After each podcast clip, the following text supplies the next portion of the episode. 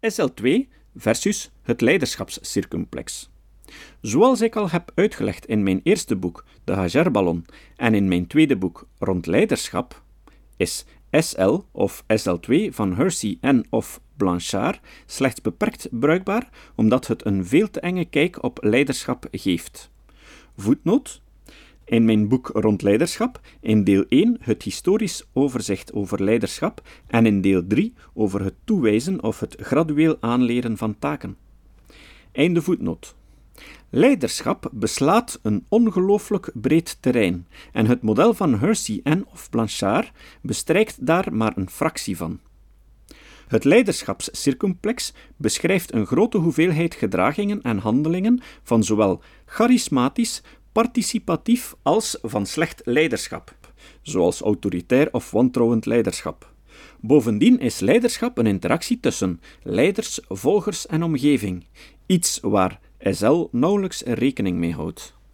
Enkele beweringen, zoals de verondersteld fluctuerende motivatie van medewerkers, die nogthans de pijlers vormen voor de hypotheses van SL, konden nooit empirisch worden bevestigd.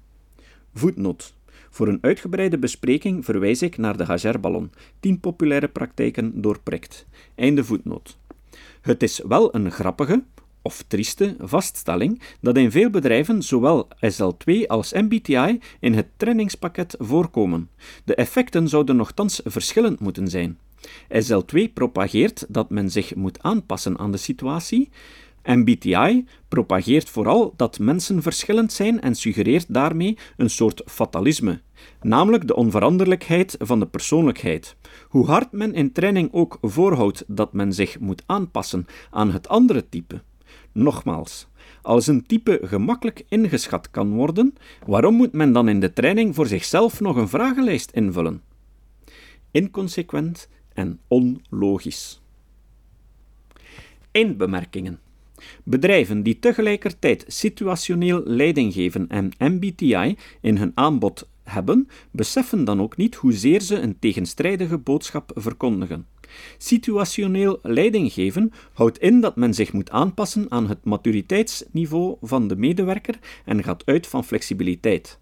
Terwijl MBTI aangeeft dat types vrij stabiel zijn.